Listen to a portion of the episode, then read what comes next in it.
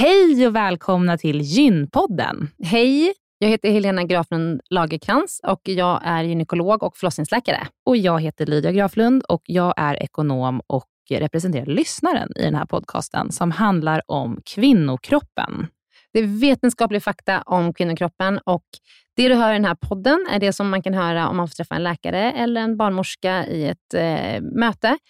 Men ibland så bjuder vi in gäster som berättar om sina personliga erfarenheter och ibland är det också spekulation, men då är det verkligen tydligt att det är spekulation. Annars är grunden för den här podden vetenskaplig fakta om kvinnokroppen. Så är det. Hoppas att ni vill lyssna. Välkomna. Välkomna.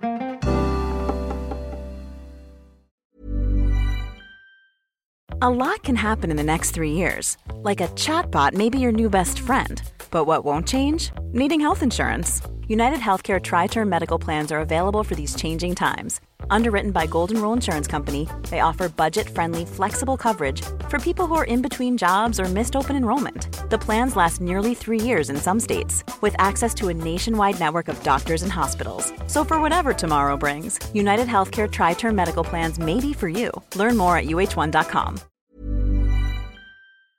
Det här poddavsnittet är sponsrat av SDCare. Det är vårt vårdbolag som vi har varit med och startat som arbetar med kvinnohälsa. Ehm, och I vår app så kan man träffa gynekologer, barnmorskor, sexologer och allmänläkare som kan ge råd och behandling för besvär och problem som till exempel mens, PMS, klimakteriet, infektioner och sådär jag säger ofta till dig om att jag har fantastiska vårdmöten i vår eh, app eh, SDCare och det är för att jag tycker att det är så viktigt att träffa kvinnor på eh, deras villkor, när de kan ses och eh, utan att de behöver resa långa, långa sträckor för att träffa en gynekolog eller kanske vänta i ett helt år för att få träffa en gynekolog. Och, eh, nyligen så hade jag en kvinna som hade jättebesvär med jätteriklig och smärtsam mens. Hon hade haft det ända sedan hon fick sin första mens när hon var 12 år gammal. Och eh, Hon grät en skvätt och jag grät en liten skvätt, för jag tänkte på alla unga flickor som går där ute som får sin första mens här nu de här dagarna som kommer, eller veckorna som kommer, och som ska gå och lida på det här sättet som den här tjejen hade gjort. Och Det finns så mycket hjälp att få och den här hjälpen ska man få överallt, men man måste ju få träffa, när det väl kommer till behandling, så måste man ju få träffa någon som faktiskt vet vad är det för behandling som är effektiv. Man ska aldrig behöva höra att det är så här det är att vara kvinna. Mm. Eh, och Det är ju därför vi har startat SDCare. Ja, det är det ju. Och det är jätteviktigt, som du säger Helena, att få komma just till en specialist som kan området och eh, verkligen ge dig den hjälpen som du förtjänar som kvinna. Och Vi har ju faktiskt hjälpt över 4 000 kvinnor från hela Sverige mm. eh, i dagsläget och vi lanserade vårdplattformen förra året. Visst känns det fantastiskt? Det är jätteroligt och jag är jätteglad för det. Så ladda ner SDK-appen i App Store eller Google Play, så kan du också träffa en av våra fantastiska specialister digitalt. Och eh, Du kan få en tid, säkert redan imorgon, om det är så att du behöver det. Så välkomna. Välkomna.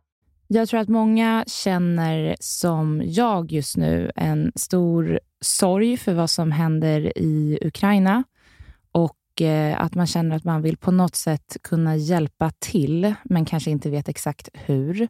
Ett tips från oss på Gynpodden är att bidra till flyktingarna som lämnar Ukraina just nu, vilket man kan göra via UNHCR, som är FNs flyktingorgan.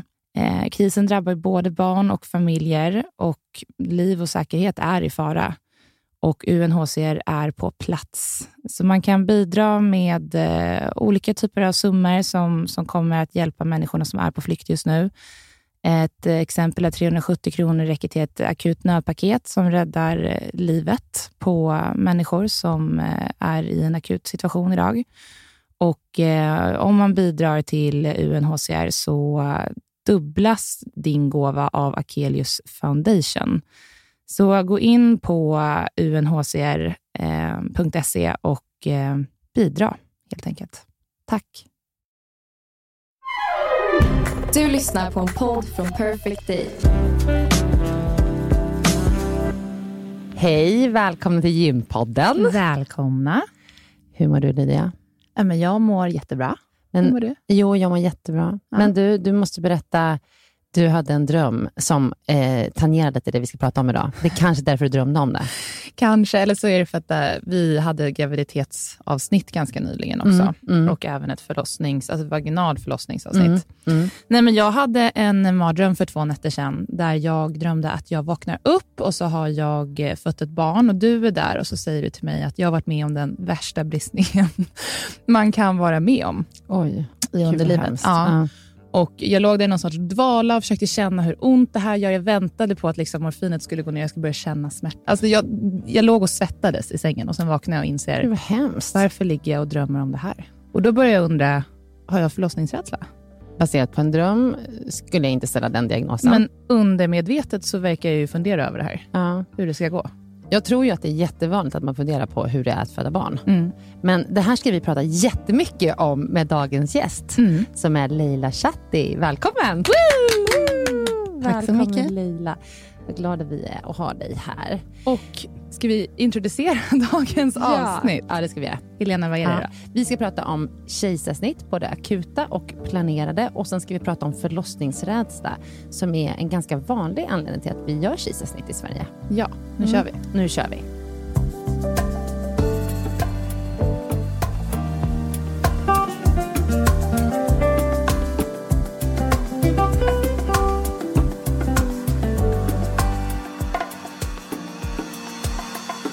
Leila, du är specialistläkare inom förlossningsvård och gynekologi. Ja. Yes, och du är också specialistutbildad eh, inom eh, samtalsterapi som heter KBT. Ja, jag har gått en sån här KBT steg 1-utbildning. Mm, just det.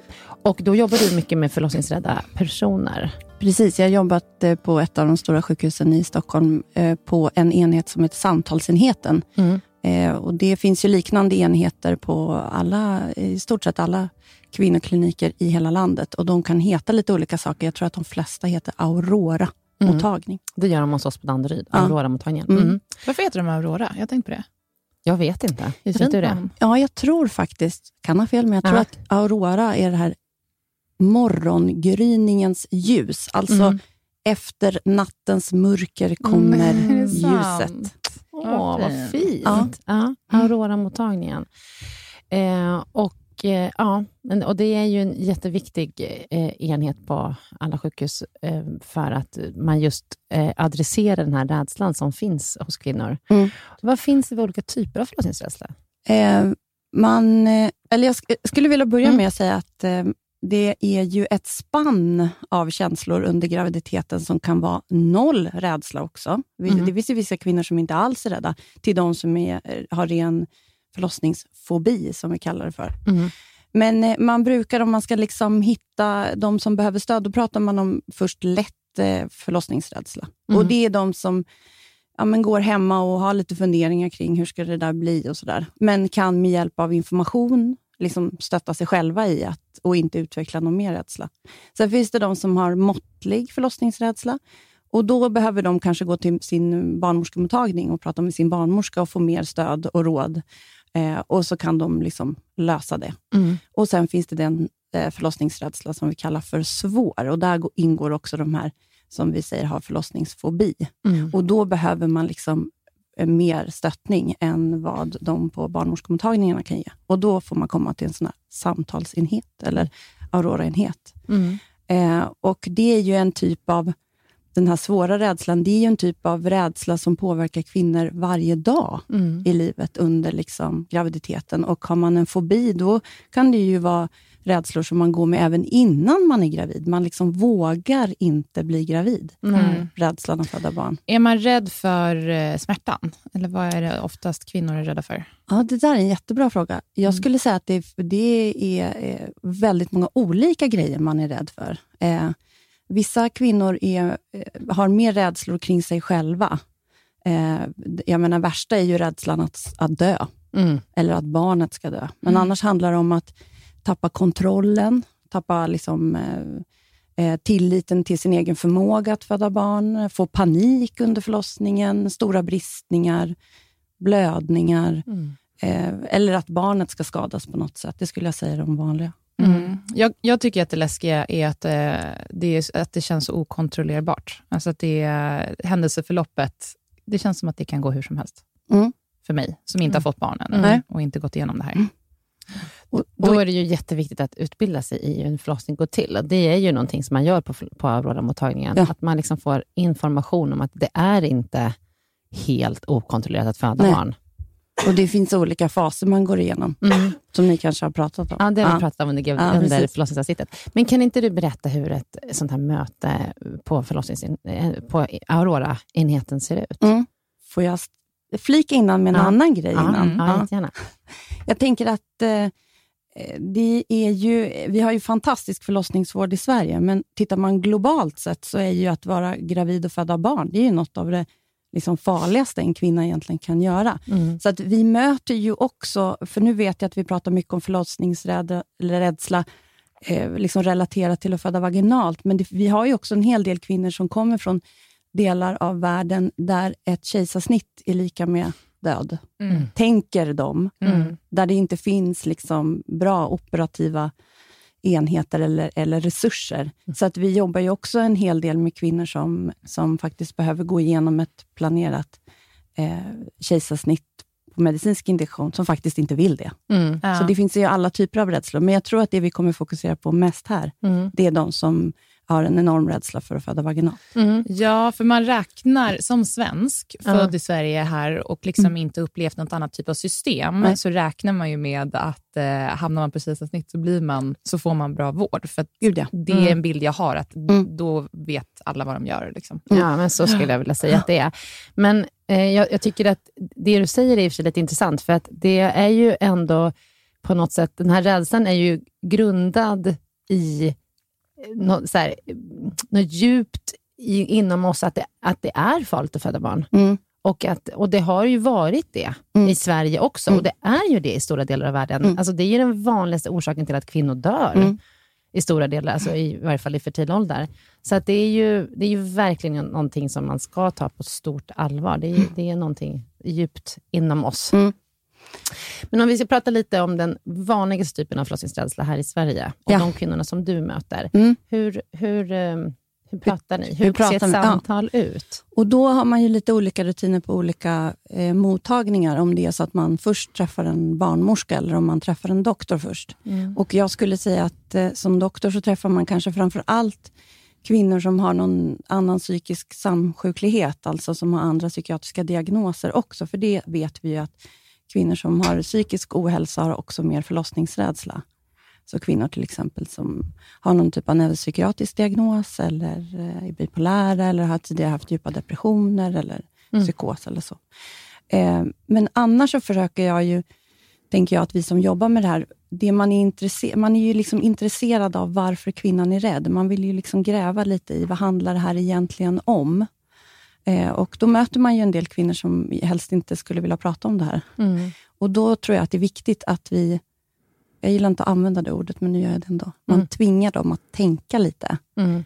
För att eh, det är väldigt svårt att planera. Det vi vill på de här Aurora-mottagningarna, det är ju att ge de här kvinnorna stöd, försöka identifiera vad är det de är rädda för, hur ska, kan vi hjälpa dem med det? Och i slutändan, hur kan vi ge eh, de här patienterna och deras eventuella partners ett, en bra förlossningsupplevelse? För det, är ju, i, det är ju det vi vill ha. Eller alla vi som jobbar med förlossningsvården vill ju i slutändan ha en frisk, en frisk och välmående mamma och ett barn. Mm. Mm. Det är ju som det som är liksom målet. Mm. Och att man ska tycka att det där var, visst det var, jobb, det var en jobbig upplevelse, men jag vill göra om det. Mm. Exakt. Mm. Eh, så att jag tror att det är viktigt att, vi, att man försöker tänka på vad är det kvinnan liksom försöker förmedla med sin rädsla. Vad handlar det där om eh, egentligen? Mm. Jag upplever ofta att kvinnor kommer in i den här mot- Jag har också jobbat på den här mottagningen, Aurora-mottagningen. Och man är liksom lite... Redan när man kliver in i rummet så är kvinnan lite på sin vakt Mm. och lite irriterad för att hon är ganska säker på att hon kommer behöva strida för att få sitt planerade kejsarsnitt. Mm. Och vi, hon är också säker på att hon kommer mötas av en doktor som kommer strida för att hon inte ska få ett planerat kejsarsnitt. Mm. För, eh, håller du med om att det är så? Mm. Och att det är en väldigt, liksom, och sen så nämnde du då maktobalans. Ja, Jag det är en tycker det är en enorm sån maktobalans, tror tycker det är jag. en sån bra sak att verkligen tänka på Mm. som läkare när Mm. man träffar de här patienterna. Att hon vill ju bara hon vill ju bara bli lyssnad på. Mm. Ja. Precis. Och jag, jag tror att det är därför att eh, vi är inte så bra, tänker jag, inom svensk... eh, Eller så här, vi är ju jättebra på svensk sjukvård. Det, det, vi är ju, förlossningsvården är ju jättebra. Men ibland så glömmer vi bort att det, även om vi inte tycker att vi har det så hierarkiskt eh, liksom Mm. på, när vi arbetar, Mm. så finns det ju fortfarande en tydlig makt gentemot patienterna. Mm. Ehm, och eh, att, att ehm, förstå att man har den Mm. och också då försöka, is, försöka ta bort det lite grann och istället möta patienten som en människa Mm. och inte du är patient, jag är doktor och jag sitter på någonting som du vill ha, Mm. som du måste liksom argumentera för varför du ska få. Om man försöker liksom skala bort det där och, och, och istället eh, prata människa till människa, men vad, liksom, Mm. vad, vad, vad är det du vill och varför vill du det? Mm. Men, men om, man, om man inte fattar att man har makt, då tänker jag att då kör man över patienten. Mm. Och jag, tror att, jag, tror att, jag tror att många kvinnor kan känna sig avfärdade i, Mm. det, i det behovet av att man till exempel vill ha kejsarsnitt. Att så här, men du vet ju inte vad du pratar om, eller du vet inte ditt eget bästa och så kanske Mm. det inte förklaras för dem. Ja, men varför, är det egentligen, varför är det egentligen bättre för dig att föda vaginalt än att vi bokar in ett kejsarsnitt? Mm. Det vet ju jag fortfarande inte. Vi pratade en del om det här, för Mm. du har ju gjort båda. Mm. Och när du hade din senaste eh, förlossning Mm. eh, med Ville, så hade ju du ett inbokat kejsarsnitt. Nej, Ester hade ett inbokat Nej, kejsarsnitt. förlåt. Mm. Ju en till efter Ville. Nej, men då hade du ett inbokat kejsarsnitt. Mm. Eh, och jag kommer ihåg att efter det, för det var så här, ja, men på måndag klockan tio, då, ska, då kommer Ester. Och, Mm. och vi bara, wow, liksom, det, Mm. du kan ju planera så här. Mm. Du bara, Då Ja, hade men jag den- två akuta kejsarsnitt bakom mig. Precis, och du hade det inbokat. Men jag vill bara Mm. förklara hur jag Mm. kände kring det här. För att Mm. på söndagen, då bara, men, kan vi inte söndag middag? Och sen på, imorgon klockan, klockan tio kommer ju hon. Som att det var ett brev på posten. Och sen Mm. åkte du in och så kommer jag ihåg att vi facetimade med dig typ på vägen in. Och du bara, men nu är det dags, hej då hörni. Och sen en halvtimme senare så ringde Fredrik upp på Facetime ungefär. Och Mm. bara, nu är hon här. Och vi bara, men gud, alltså ofta så försvinner någon in och så är borta i tre dagar. Och sen bara, hur, vad har hänt? hur har det gått? Har någonting kommit ut? Och jag tänkte direkt på det här, gud. Så En här dröm, vill ju jag göra. Ja. Mm. Och då sa du till mig, nej, det ska du inte. Och jag vet ju inte varför. Så kan vi... Nej. Det ska vi, på vi, ska, ja, vi ska prata Ja. kejsarsnitt, men Mm. vi måste, prata, vi måste prata mycket mer om förlossningsrädsla. Okej, okej, okej. Mm. Ja, så det, det, där, nu är vi fortfarande på liksom det här första Mötet samtalet. Mötet och att man ska mötas på samma liksom, plats. Ja. Att, båda, att vi är två personer som båda vill samma sak. Att patienten ska må bra, att bebisen ska må bra Mm. och att vi ska ta så lite som risker som, Som möjligt, ja. Ja. Precis.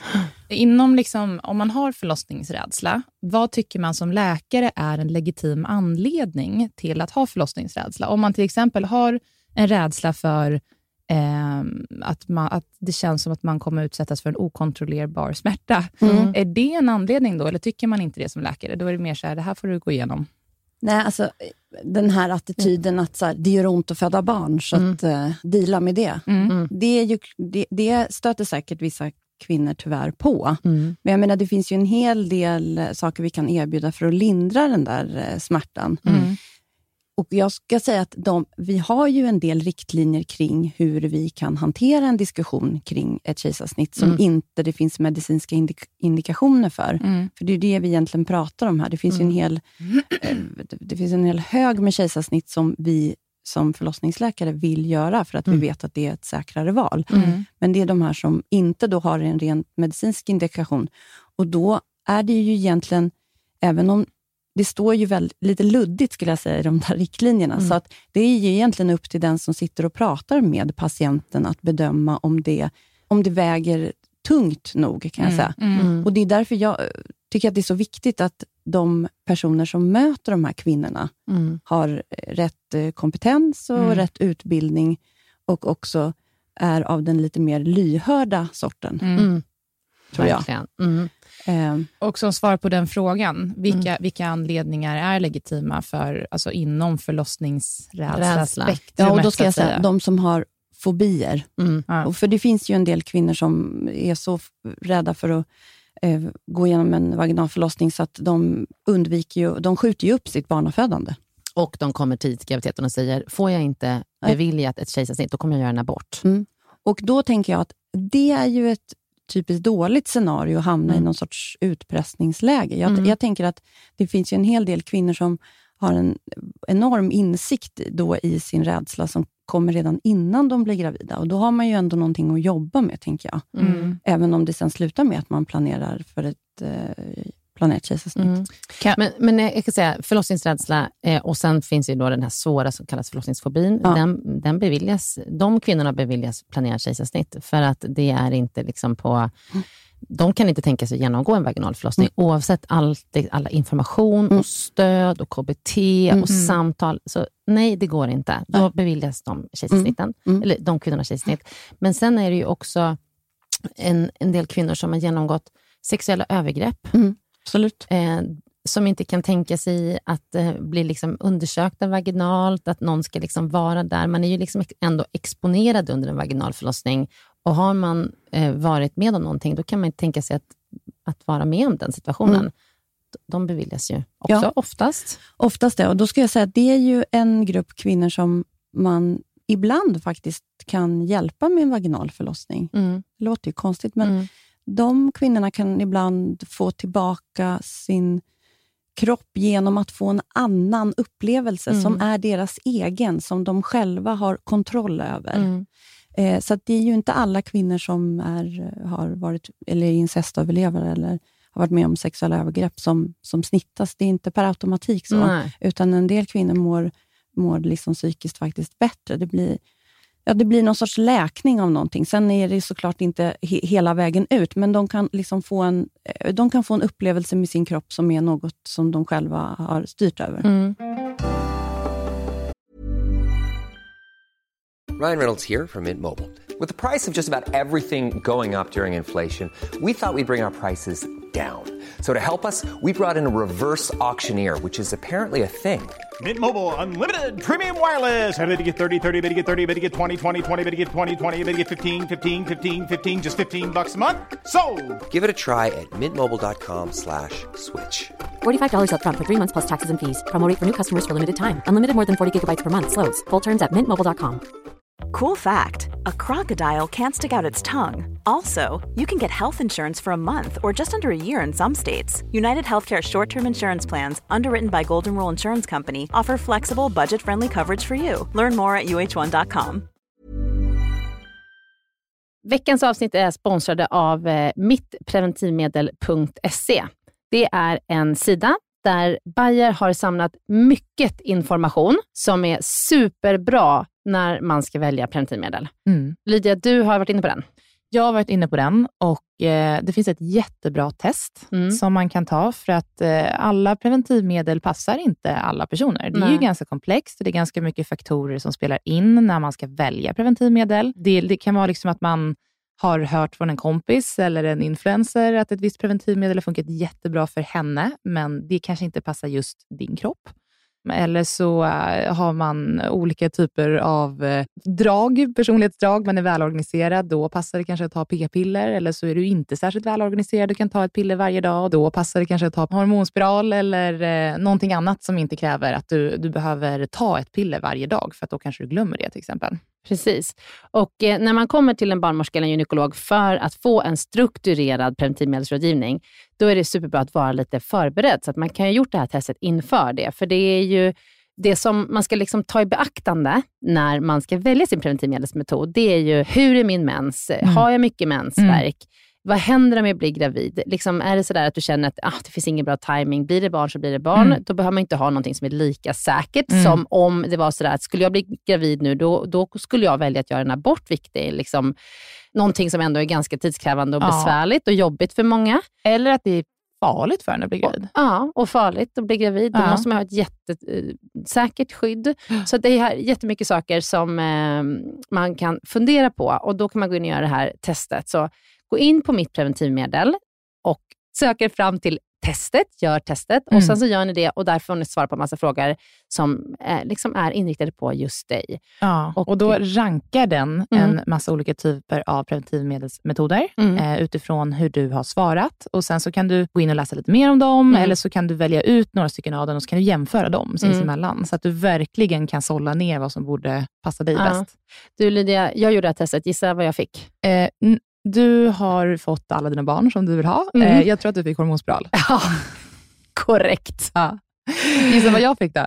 Eh, hormonspiral. Nej, Va?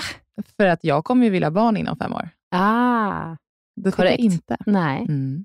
Precis. Okej, så du fick p-piller kanske? Ja, Mm. jag fick faktiskt p-piller. Och eh, är strukturerad och Ja. kan ta ett piller varje dag. Ja, det är inga problem för eh, dig. Nej, Nej. precis. Ja, men superbra. Gör testet och eh, ja, ha med i det, den informationen när ni går och gör er preventivmedelsrådgivning rådgivning hos barnmorska eller gynekolog. Ja, Ja. tack Bayer. Tack Bayer!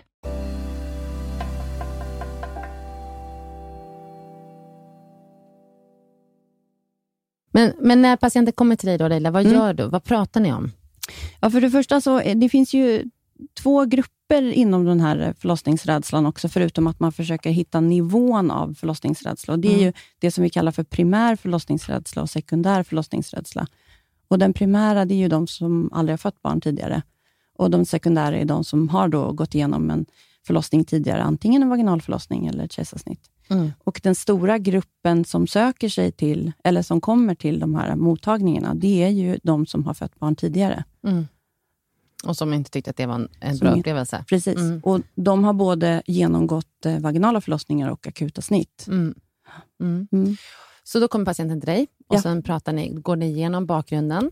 Precis, och då försöker man kartlägga vad... vad eh, har, man, har man inte fått barn tidigare, då försöker man kartlägga vad har de med sig liksom i bagaget som gör att de har, går och tänker på det här hela Mm. tiden. Och vad har de också för... Eh, dels försöker man ju hitta vad, vad, vad har de för eh, skörhetsfaktorer, eller man Mm. ska säga. Vad är det som gör att de är lite mer...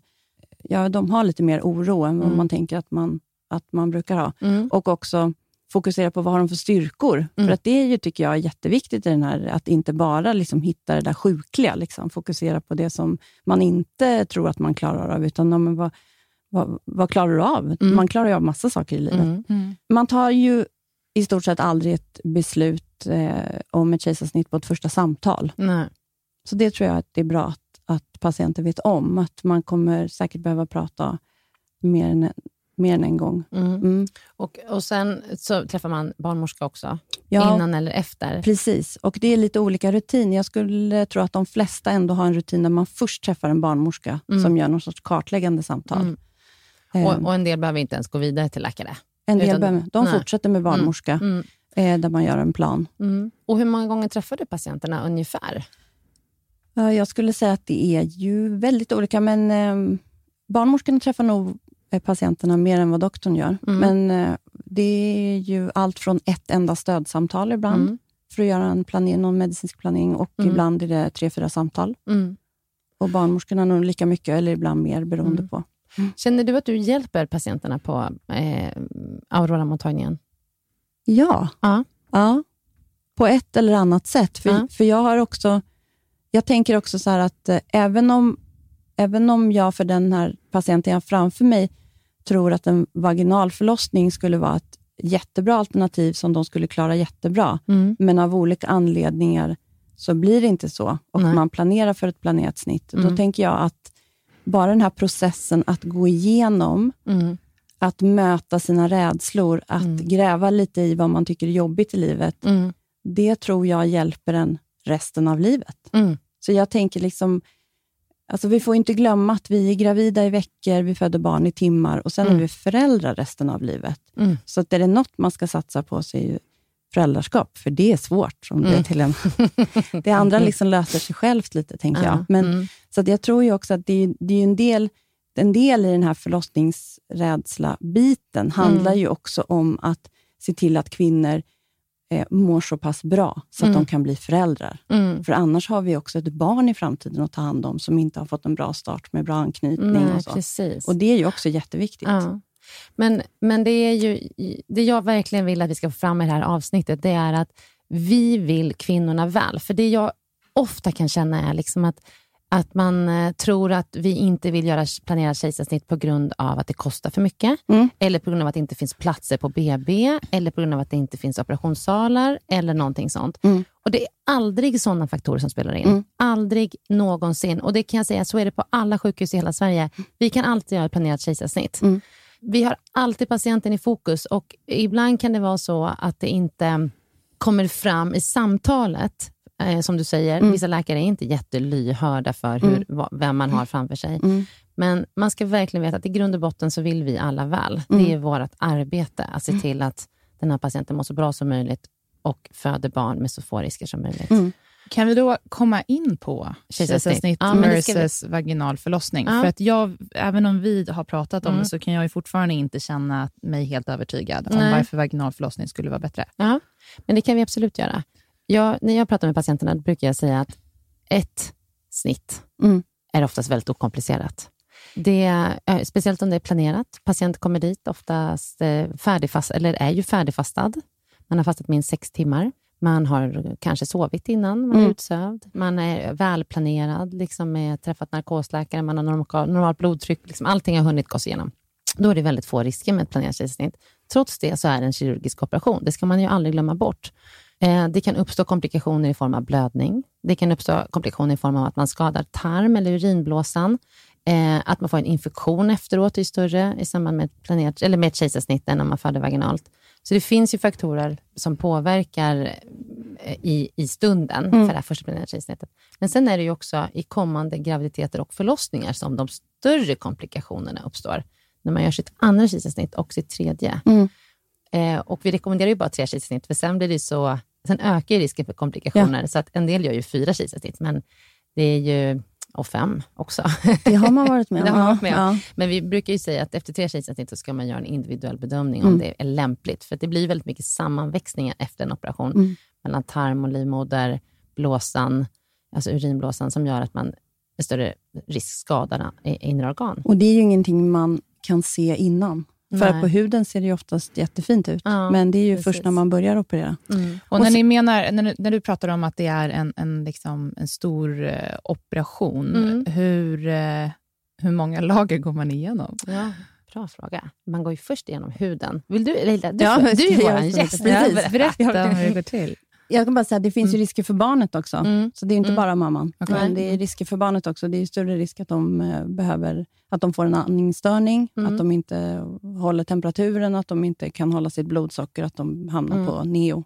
Då brukar jag förklara att, att barnet som tas ut med planerat kejsarsnitt är ju Mm. verkligen på riktigt tagen på, på sängen, så att Ja. säga. Alltså, den ligger ju oftast i, Helt oförberedd. helt oförberedd. Mm. Och sen så kommer man in, vattnet går och man plockar ut bebisen och sen liksom är det lite så här, "Uh, va, va, Mm. vad händer? Och så ska man ju direkt komma igång och andas. Mm. Men den har ju inte liksom pressats igenom vaginala förlossningskanalen Inte fått ett påslag. och inte fått ett adrenalinpåslag. Så den andas ju liksom inte lika bra. Så det är större risk att man hamnar på NIO, Mm. så på nyföddhetsavdelningen, än om man föder vaginalt. Mm.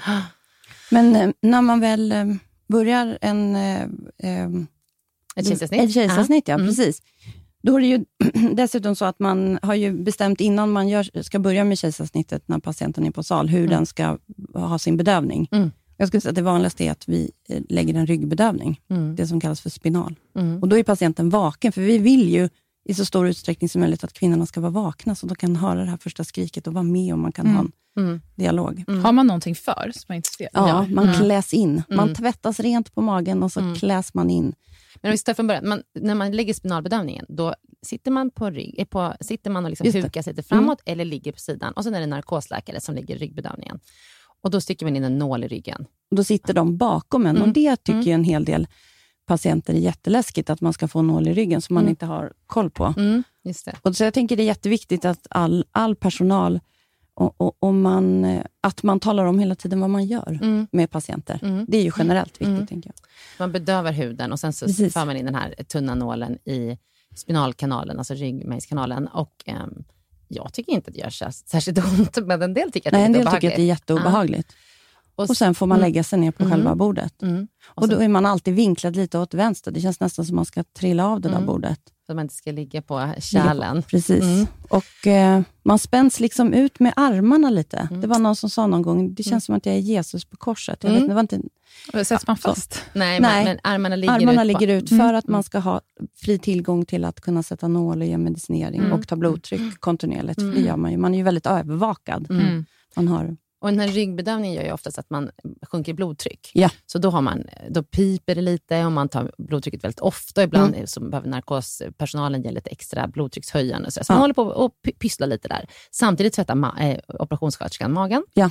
Sen Och klämmer- man kan ju må illa av det där. Ja, det kan man göra. Speciellt när blodtrycket sjunker. Precis, så Mm. en del kvinnor liksom börjar sitt snitt med att hålla på och kräkas. Det är Mm. inte jättekul, men Nej. om man är förberedd på att det där kommer, vilket de oftast är narkosläkarna, då mår man inte så dåligt alls Nej. av det där. Och sen, och sen så får man ju då det här täcket över magen med liksom en plastfilm över buken. Buken.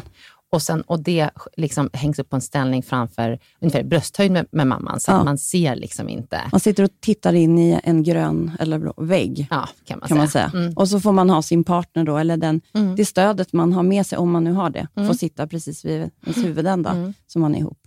Och på salen har vi ju då, innan man börjar operera, så är man ju väldigt mycket eh, personal. Mm. Många patienter tänker, men gud, det här måste ju vara... Special treatment. Ja, precis. Eller det måste vara något väldigt allvarligt nu, för ni är så Mm. många. Men det är inte det. Det behövs väldigt många. Ja. På patientens sida eh, har vi ju minst en narkossköterska, Mm. skötare och eh, eh, en narkosläkare som är ansvariga Mm. för all, all övervakning av patienten och bedövning och så. Och på operationssidan så är det en eller två operatörer som Ja. är gynekologer och oftast en specialistläkare och en ST-läkare brukar det vara. Ja. Alltså som är under utbildning. Precis. Och Sen är det alltid, har man barnmorskan, för barnmorskan tar hand om barnet när barnet kommer ut. Och Sen har man en operationssjuksköterska som servar en med alla, eh, alla instrument man behöver. Precis. Mm. Och också runt i rummet springer en operationsundersköterska oftast, Mm. som servar operationssköterskan med det som man inte Gud, det är sånt behöver. Ja. Ja. För Och vi är sen- ju sterila. Vi Ja, läkare och operationssköterskan är ju helt sterila, så vi står ju liksom i buken. Mm. Sen lägger man Det står hudsnittet. i buken. Ja, men liksom Ja, det står i såret, kan man säga. vi står inte i Man står på den sterila sidan, så då får man ju inte röra någonting annat än där, det, där Där man har tvättat där tvättat. Ja. Ja. Hur många sådana här operationer har du gjort, Helena? Alltså många hundra. Många hundra. Ja. Ja. I alla fall om jobbar man i Stockholm på ett stort sjukhus, då Ja. blir det många hundra. Ja. Ja, ja. Många hundra. Och sen Ja. så, så börjar börjar man, man... operationen. Ja, och då lägger man ett hudsnitt som vi kallar bikinisnitt. Mm. Strax ovanför pubisbenet. Om man inte är opererad förut med något annat typ av snitt, för då brukar vi inte vilja göra de randiga patienterna. Så då Nej. lägger man det i något tidigare snitt. Mm. Det är faktiskt eh, en, jag kan passa på att ta den frågan. Mm. Där vi fick eh, en fråga där eh, kvinnan berättade att tidigare så la man dem eh, vertikalt, men att Så nu lägger man dem horisontellt. Ja. Eh, är det så att man Mm. har ändrat Mm. hur Mm. man gör? Varför, Mm. gjorde man, varför ändrar man det? För det är mycket mindre, blir mycket mindre snitt för mamman. Jag, te- jag tror från början så opererade man på det sättet, för att det är mycket snabbare att gå in på det sättet. Mm. Eh, det operationssättet är ju mycket snabbare om man tittar på hur vävnaden ser ut anatomiskt. Mm. Eh, men nu har man blivit så snabb på det bikinisnitt som vi Mm. är vana vid. Mm. Men eh, Det, det, syn, och det syns det ju inte för inte. mamma. Nej. Det ligger Nej, okej. under bikini eller tros, Just det. eh, det, snittet Så det är ändå oftast. en faktor också, att man ska försöka göra det bättre för kvinnan och att det inte ska Absolut. synas lika Ja. mycket och, Ja. och vara störande. Mm. Mm. Skojar man igenom underhudsfettet och sen Ja. kommer man till den här fascian som är den, alltså, eh, bindvävshinnan. Ja. Så delar man på den. Och sen är det musklerna. Och Mm. Då är det ju många som tror att man skär i muskler, Mm. men det gör man ju inte. Nej. De är liksom som två stora gardiner som hänger ihop som man särar. Man särar på dem, precis. Och då kommer man in till Bukhinnan. bukhinnan som man delar på med Ja. pincett och sax. Mm. Och Eller trubbigt. Eller trubbigt. Och där och med trubbigt då är det fingrarna man Helena, har. tänk att du gör sånt här. Mm. Det är faktiskt väldigt roligt. Och, Och sen, sen- kommer man in till livmodern och då liksom ligger den här stor och utfylld av en bebis. Men, vänta, vänta, vänta, vänta. tarmarna, ligger Mm. de i vägen på något sätt? Man måste blocka I, dem åt i, sidan? eller? ibland gör Ja. de det. Då får man flytta Peta. på dem, peta undan dem. Och ibland om man har opererats tidigare, då Mm. sitter det fast saker när man Mm. kommer in. Mm. Så då måste man ju vara väldigt försiktig när man har särat på musklerna. Mm. För att veta vad, vad, för då vet man inte vad som ligger Nej, under. Det kan vara urinblåsan som är uppdragen Ja. eller tarmar. Eller, ja. Eller så sitter livmodern ibland fast mot väggen. mm. Så att när man börjar skära så Kommer man direkt in i in livmodern. i livmodern. Ja, så det är ju, Så det, ska, men, och det brukar jag säga till patienterna, att ja, men nu är du snittad tidigare och då gick det jättefort få ut bebisen. Nu är det liksom ett resnitt och då tar det lite längre tid. Så, och det är helt normalt. Så du behöver inte Mm. bli orolig om det tar lite flera Mm. minuter för oss att komma in till bebisen. Mm. Men oftast, alltså, på ett första gångssnitt, att komma in till bebisen tar ju två minuter. Mm. Det är sant. Ja. Men det gick ju så fort för dig. Det var fjärde. Jo, jag vet. Nej, det gick inte så himla fort. Gjorde det inte? Hur jag vet du det? För jag tyckte att du ringde tillbaka så snabbt. Men jag känner att det här händelseförloppet alltså- kanske inte har gått så snabbt som jag tänkte. Leila, mig det var inte. Ringde träff- du från bordet, det- alltså, Ja, nej, hon ringde från nej. bordet. Lider- På Lider låter som att jag ringde från när jag satt i bilen på vägen till sjukhuset. Sen 30 minuter senare, Ja. så, då var bebisen där. Så Då var undrar det alla, inte. hur ofta ringer du oss? Ja, precis. Så var det inte. Men, och, sen så, och sen så öppnar man då livmodern och ofta så ligger det ju ett litet huvud där. Mm. Och då så stoppar man ner sin vänstra hand, för mig Mm. som är högerhänt. Det. Och så ber man assistenten som stoppar handen, sen, så bar man ner sin vänstra hand och så, liksom, så skålar man kring bebisens huvud. Mm. Och så ber man assistenten stoppa andra sidan. Precis. Att jag- krysta. precis. Att, att klämma lite på magen så att Ja. det blir som en liten... Ovanifrån då, så ja, man trycker precis. den. Man trycker lite yttre press. Ja, Ja. liksom Och Då kan man tänka att man har handen som ett skohorn, som man liksom leder huvudet ut på. Mm. Mm. Så in, istället för ner i, i vaginala kanalen Mm. då, Yes, så kommer den upp. Kommer den upp, Ja. ja. precis. Så det, det brukar, det brukar liksom så här, nu krystar vi åt dig här och så, så kommer Ja. bebisen och så här, wee, wee, wee. Precis. och ibland ligger den ju, gör man ju det där kejsarsnittet för att den ligger med sina små fina skinkor ner. Mm. Ja, och då använder man en annan teknik bara, så då vänder man ju inte på fostret eller barnet, utan man tar ut den med Rumpan rumpan, först. ja. Mm. Mm. Så att det är egentligen Ja. bara om, där, när, om ba, barn ligger på tvären, då får man göra en Hur får man rokad. ut moderkakan och allt det där som Ja, men först, kommer då kommer Ja, bebisen precis. ut och sen har man, eh, tillämpar man om möjligt sen avnavling. Mm. Så helst två minuter att bebisen ligger liksom på operations... Alltså då ligger den lite Mellan på mammans mammans ben ben. ungefär. Ja, på barnmorskan bordet. håller Mm. i den och torkar lite och man kollar liksom att den kommer igång och andas och skrubbar lite så. Och sen så efter två minuter så, ja, så klipper man navelsträngen. Mm. Och sen om bebisen mår bra då, och mamman mår bra, då går man runt det här rö- gröna skinket till mamman och pappan, eller mamman och partnern. Och sen så får man hälsa på sin bebis. Ja. Hallå, hallå. Ja, det är ju magiskt. Och då brukar jag säga att de här, eh, en del kvinnor som mår, har mått illa då, eller tycker så här, det är ingen som måste få sitt bebis för det, eh, till sig då, för det enda platsen man har är mellan hakan och brösten. Ja, det är det väldigt tajt. Ja. Så, att, så att det är ju inte, det finns inget att man ska på något sätt, för att oftast Nej. finns det ju en sambo där som också Ja. kan. Ja. Men moderkakan, plockar ni ut den? Sen, den- sen plockar vi ut Ja. Ja, och helst vill man att den ska, liksom. Mm. eh, precis som vid vaginal förlossning, lossna av sig själv. Mm. Så man Eh. masserar liksom livmodern lite på utsidan eh, sådär. Och sen så kommer, lim, så kommer moderkakan. Och så länge som det inte blöder så behöver man inte ha så bråttom. Mm. Så att det är man är Ligger man mer, öppen där ett tag? Känns som att man ligger Mm. öppen Ja, det är ända väldigt- in i det är ändå kåren. väldigt kort. Liksom. Mm. ändå väldigt Mm. kort tid Ja. skulle jag säga mot andra operationer där man kan vara... Och sen Och när man moderkakan har kommit ut, Ja. då, Ja. då ser man liksom till att det inte är några hinnor kvar och lite sådär. Och sen så syr man igen livmodern.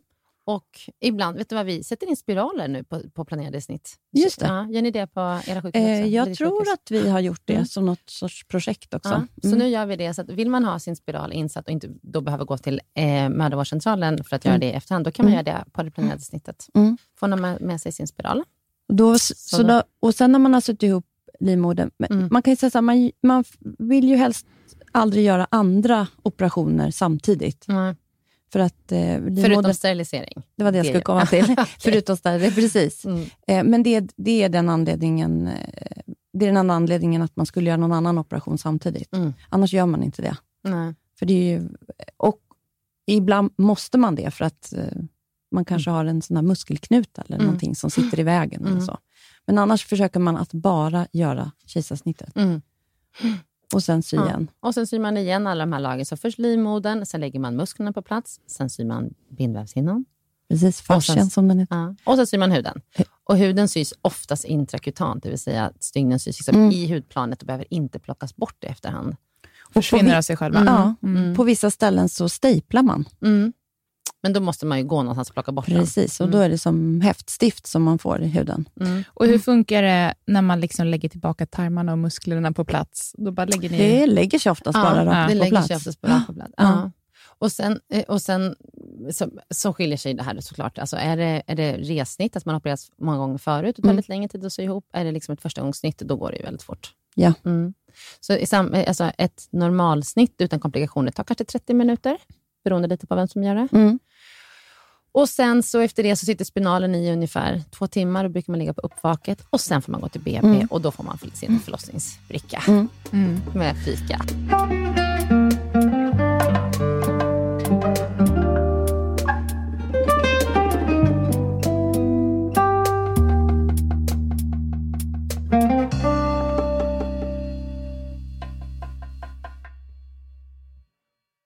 Man tänker ju också att det finns olika typer av snitt. Jag vet att du, vi nämnde det, men det Mm. vi, vi pratade mest om nu, det är ju ett planerat snitt. Mm.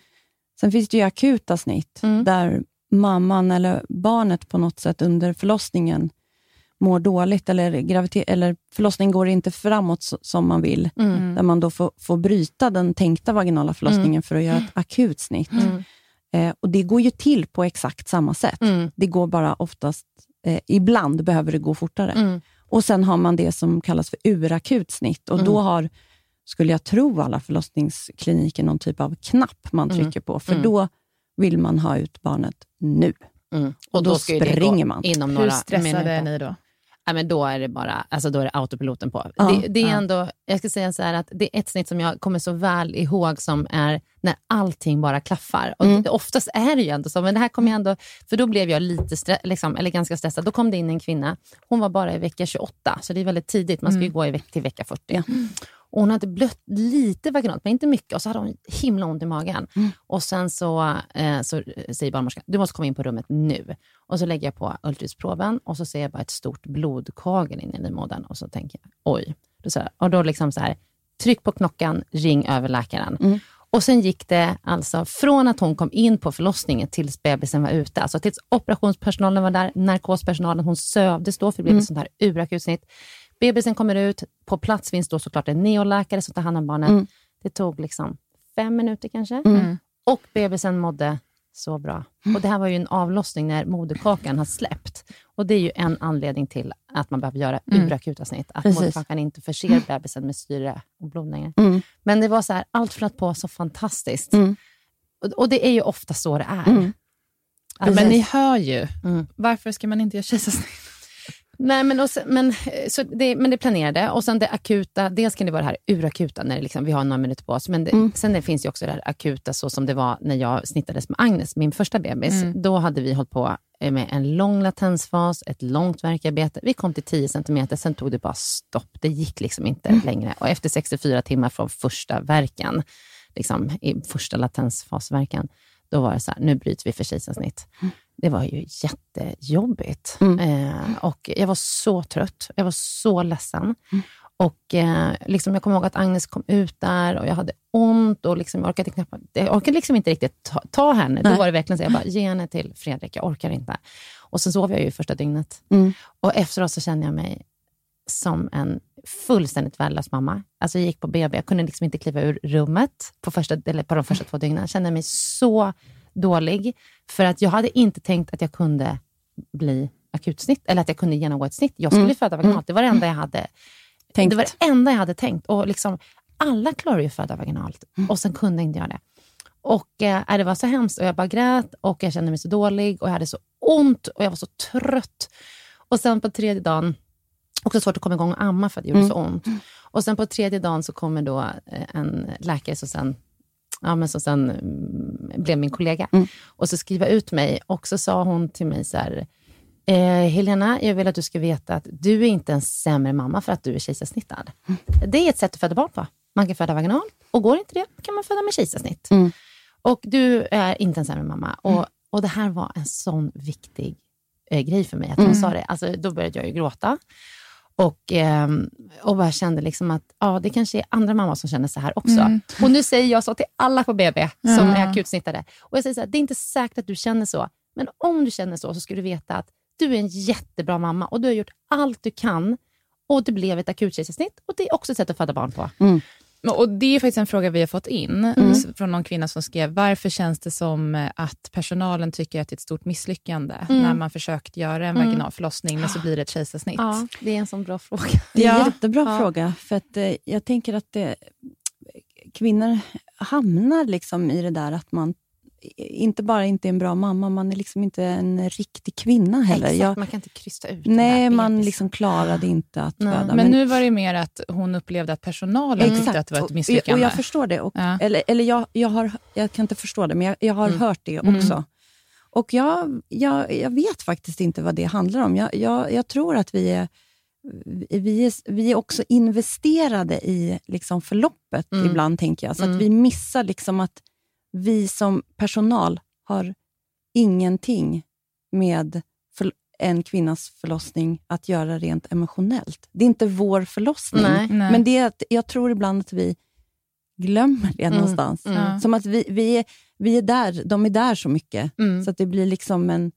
Vi, tänker inte bara att vår, vår enda uppgift är att stötta de här Ja, personerna. mm. Så- Nej, men, men jag, jag kan säga som svar på den frågan Lydia, så säger jag så här att jag tror att har man kämpat i det här akuta skedet, Mm. eh, alltså när det blir ett akut kejsarsnitt, har man kämpat och man liksom kanske hållit på i många timmar, man har liksom, då vill man på något sätt att den snabbaste och lättaste vägen till återhämtning efteråt är ju oftast en vaginal förlossning. Mm. Och då ska man också utsätta kvinnan på något sätt för ett kejsarsnitt. Det, det blir som ett misslyckande för personalen. Mm. Och jag kan känna så som förlossningsläkare att, att jag inte kunde ge henne det här. Liksom. Jag kunde Nej. liksom inte hjälpa henne att få en vaginal förlossning Mm. om det är det hon vill. Och då känner jag, kan jag känna ett misslyckande. Men, men det liksom ligger ju på något sätt i, i mina känslor. Mm. Och, och då brukar jag verkligen tänka, och det är det jag också säger till patienterna, att tack gode gud att vi har möjligheten till säkra kejsarsnitt här i Mm. Sverige. Ja. Mm. För du kommer få en frisk bebis nu. Men jag tycker fortfarande att det är otydligt varför man inte vill göra Nu kejsarsnitt. kommer vi till det. Ja. Mm. Riskerna med kejsarsnitt eh, i stunden, det har vi pratat om Lila. Ja. Men vad är, vad är långtidskomplikationerna? Alltså, man ska säga så här, man vet ju inte alla typer av långtidskomplikationer. Nej. Men man pratar ju framför allt om vid nästa graviditet, Mm. att eh, det, det som du nämnde tidigare Helena, med, med sammanväxningar som man inte ser utanpå. Mm. Också riskerna med att moderkakan vid nästa graviditet växer in i ärret på Mm. ett sätt som gör att man ibland vid nästa förlossning behöver ta bort livmodern för att Mm. det, det är en sån enormt ökad eh, blödningsrisk. Mm. Alltså man tar bort hela livmodern i Det- samband med kejsarsnittet. Precis. Mm. Och, eller att moderkakan sätter sig eh, på ett sätt som en liksom, skål för hela eh, Längst ner i öppningen. livmodern. Mm. Ja. Och, ehm, Placenta previa heter det och det har vi fått lite frågor på. Ja, och, Ja. och när moderkakan växer in på ett sånt där eh, eh, onormalt sätt, då Det är Nej. placenta previa. det Alltså, är och det kommer, akreta. Det Placenta akret. akreta heter Ah, det. Och sen så finns det ännu mer allvarligare tillstånd Mm. per kreta. och det akreta. sker bara efter ett kejsarsnitt, för då finns det ett ärr, eller? Det jag skulle säga Oftast. oftast. Mm. Det, vid, vid vaginala förlossningar så är det ju i, stort sett Mm. inte en... Det en kan risk- ju vara om man gjort andra utrust, alltså Ja, om man andra gjort livmoder. många skrapningar Mm. till exempel, om man har genomgått aborter, då Mm. kan det också öka risken för Mm. det. Men, fr- men framför allt är det, är det kejsarsnitt eller andra typer av eh, operationer på Mm. livmodern. Man har tagit bort myom eller så. Och ett tidigare kejsarsnitt ökar risken för placenta previa och det var det du sa, att det är när det blir som en skål, att moderkakan lägger sig innanför Ja. inre modermunnen. Man kan inte föda vaginalt och det ökar risk för blödningar och komplikationer under graviditeten. Mm. Och har man då en, en- det som heter previa, Mm. när eh, moderkakan ligger för, Mm. då ökar också risken för att det även är en inväxt av moderkakan i Mm. det där ärret Mm. på något sätt. Okay. Och så det det blir liksom dubbelt Mm. så. Det blir en större risk för bebisen, nästa bebis. Absolut. Det är också Mm. större risk när man har det tillståndet att man behöver föda det här barnet för tidigt. Ja, för att det blir komplikationer med blödningar och så. Och om man bara vill ha ett barn? Ja, då skulle Ja. jag säga att det är ganska få risker. Men vi är ju ändå bra i Sverige på att göra kejsarsnitt. Mm. Så att jag, jag tänker att eh, liksom hamna i någon sån här skräckpropaganda kring Mm. snitt, då är vi liksom helt fel ute, för vi är Mm. bra på det. Och Ja. Vissa kvinnor måste göra det, så Mm. det finns ingen anledning för oss att prata på det sättet. Men vi vet ju ändå att om man jämför en helt okomplicerad vaginal förlossning, så är det mycket säkrare för mamman och barnet, både på lång, kort och lång sikt, än ett helt okomplicerat eh, kejsarsnitt. Ja. Mm. Jag, jag upplever att det finns en, en liksom önskan om att göra kejsarsnitt för att man får höra Mm. om ganska mycket komplikationer i postpartumdelen, där man inte får hjälp av vården. Man, jag har hört om fall, liksom, vi kommer ju ha ett eget avsnitt om just det här, delen, Mm. men liksom framfall eller just det här med bristningar. Att man, Mm. Du behöver ju ändå kunna gå på toa. Alltså jag hade hellre haft ett sår på magen som jag behöver ta hand om, än ett Mm. sår i underlivet där jag behöver kunna gå på toaletten för att kunna funktionera. Mm. Eh, och där man inte... Många liksom skriver också in att det är så himla svårt att få hjälp efter att man har fött barn med de problem som man kan få, och Mm. urininkontinens och grejer. Jag tror att det driver att man som kvinna, som jag i alla fall, som inte har fött barn innan, tänker att Gud, tänk om alla de här grejerna händer och så får man inte hjälp av vården. Då tar jag hellre ett kejsarsnitt, för det känns som att där har ni väldigt bra koll och där får Mm. man hjälp. Mm. Liksom. Det, är så, det är så man tänker. Jag Ja. tror att det är så man resonerar. Mm. Och Då ska vi säga att det här med att få en stor bristning, det är ju väldigt ovanligt. Mm. Det är ju ändå... Och de allra flesta blir ju helt, helt besvärsfria ja. efteråt. Och Det jag kan säga till, alltså som ett svar på den, det är att har man besvär med bäckenbotten, då måste man söka hjälp tills dess att man får hjälp. För Mm. det finns ju hjälp att få i väldigt Absolut. många... Alltså det, Mm. De allra flesta kvinnor som har besvär kan ju bli bättre. Mm. Då ska man söka till ett bäckenbottenteam. Och får man inte hjälp i sin stad, då får man gå till nästa ställe. Alltså Mm. Man får inte ge sig på det. Mm. Sen önskar man ju att det ska vara lätt för alla att få den Mm. hjälpen. Mm. Men Och det ska vi ha ett den. eget avsnitt Ja, om. vi så vi ska liksom Ja. djupdyka Ja. i det. Men jag tror att det, eller för mig är det en, om jag ska gå in i liksom en Mm. stor anledning till varför jag skulle vilja ha kejsarsnitt, Mm. eller varför jag tänker att man vill ha det. Att det känns som att det känns Mm. som att det eh, tas hand om på ett annat Ja. sätt. Ja. Liksom. När man tittar liksom på hälso och sjukvårdslagen till exempel, då kan man ju inom sj- kvinno och sjukvård, är det egentligen bara två typer av behandling. Eller som patient kan man aldrig kräva en behandling. Nej. Men, men inom kvinno och sjukvården så finns det två tillstånd där man kan det. Det ena är att man kan få bli, kräva att få bli steril- steriliserad. Man Mm. måste skriva på papper och få ett informerat, eh, ett, eh, ja, information om det. Och att göra en abort. Mm. Men för jag vet att ni hade fråga om snitt. Mm. Man, Det finns inte någonting som säger att man har rätt att få, eh, få ett snitt. Nej. Och Det är ju för att det är, jag menar, har man ett tillstånd där man har två helt likvärdiga behandlingar, då vill vi ju, vi vill ju ha patienten delaktiga Mm. i beslut kring behandling. Mm. Men i det här fallet så eh, vet vi eh, statistiskt att det är inte två li- helt likvärdiga behandlingar och därför är det så också att vi tänker att man inte har rätt att välja. Nej. Men jag förstår kvinnors frustration med de som ser ett planerat kejsarsnitt som den enda vägen att föda barn. Mm. Att det är en enorm frustration och en, en, ett enormt motstånd man möter på Mm. inom sjukvården. Mm. Och det är just på grund av de här riskerna. Då. För Mm. jag Ja. tänker ju också som, eh, som kvinna att det har med en kostnadsfråga att göra. För ni berättar ju om hur stort Mm. team det är. Mm. Och liksom, Ja, men det har inte med det att göra. Nej, det har för inte det. En vaginal förlossning kan ju ta flera dagar Ja, med det är sant. alla Ja. de resurser. Så jag, Ja, ja, ja, det, det, absolut. det är inte det Nej, vi... det har inte med det att göra. Nej, det har med risken att göra. Att det, är Det har med med riskerna. vaginalförlossning. Ja. Ja, Mm. både för absolut. kvinnan Ja. och också för barnet. Mm. Och Jag ska också säga det att de flesta som genomgår vaginal förlossning tycker ju att det är en bra upplevelse. Mm. Och, att, och jag som är snittad då tre gånger, första gången akutsnittad, det var jobbigt. Då var jag trött, jag hade ont, det var jättejobbigt. Eh, men även när man är planerat snittad, alltså man har ju ont, rejält ont efteråt. Och sen så ska man ju upp på benen direkt eller efter, ja, senast liksom morgonen efter. Mm. Och då ska man ju ta hand om ett barn. Mm. Eh, och då har man ju ändå en stu- stor bukoperation, liksom bara ett dygn bakom sig. Man ska försöka komma igång och amma, man hittar inga andningsställningar som är riktigt bekväma för det gör ont.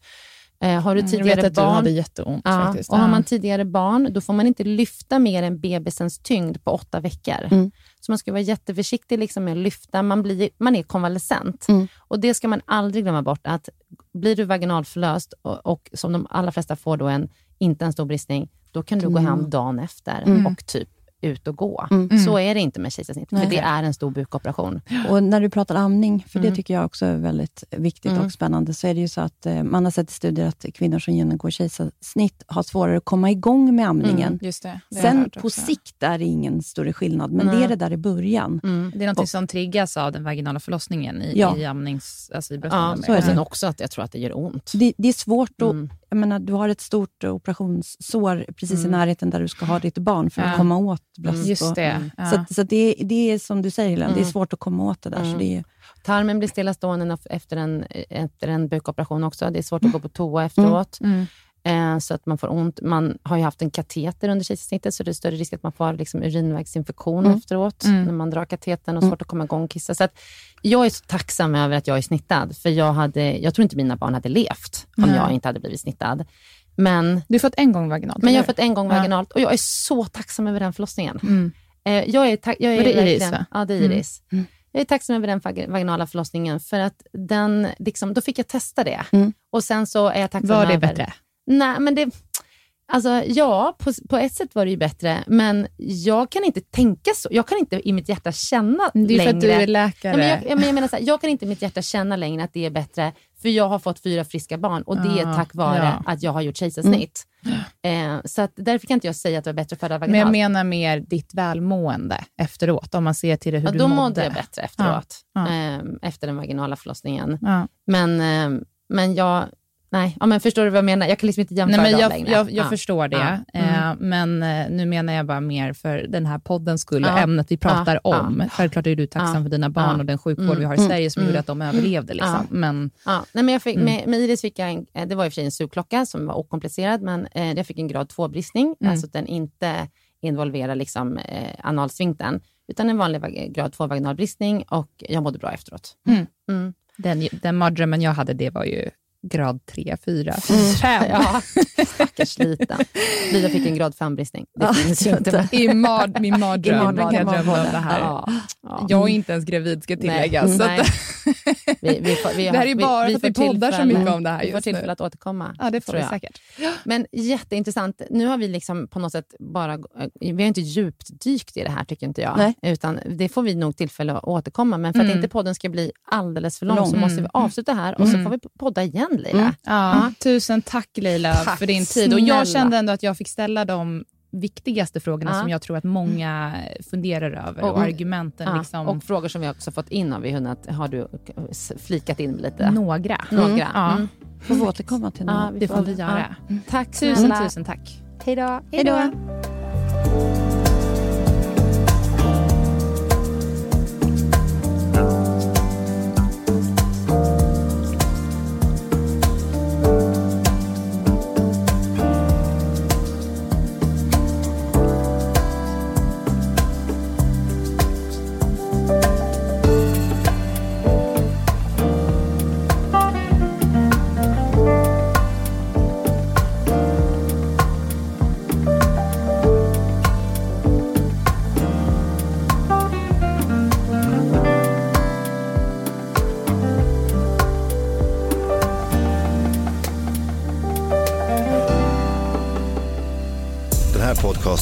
Är producerad av Perfect Day Media.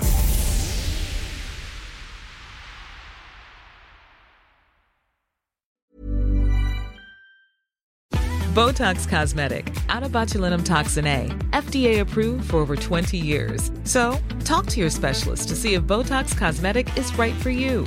For full prescribing information, including boxed warning, visit BotoxCosmetic.com or call 877-351-0300. Remember to ask for Botox Cosmetic by name. To see for yourself and learn more, visit BotoxCosmetic.com. That's BotoxCosmetic.com.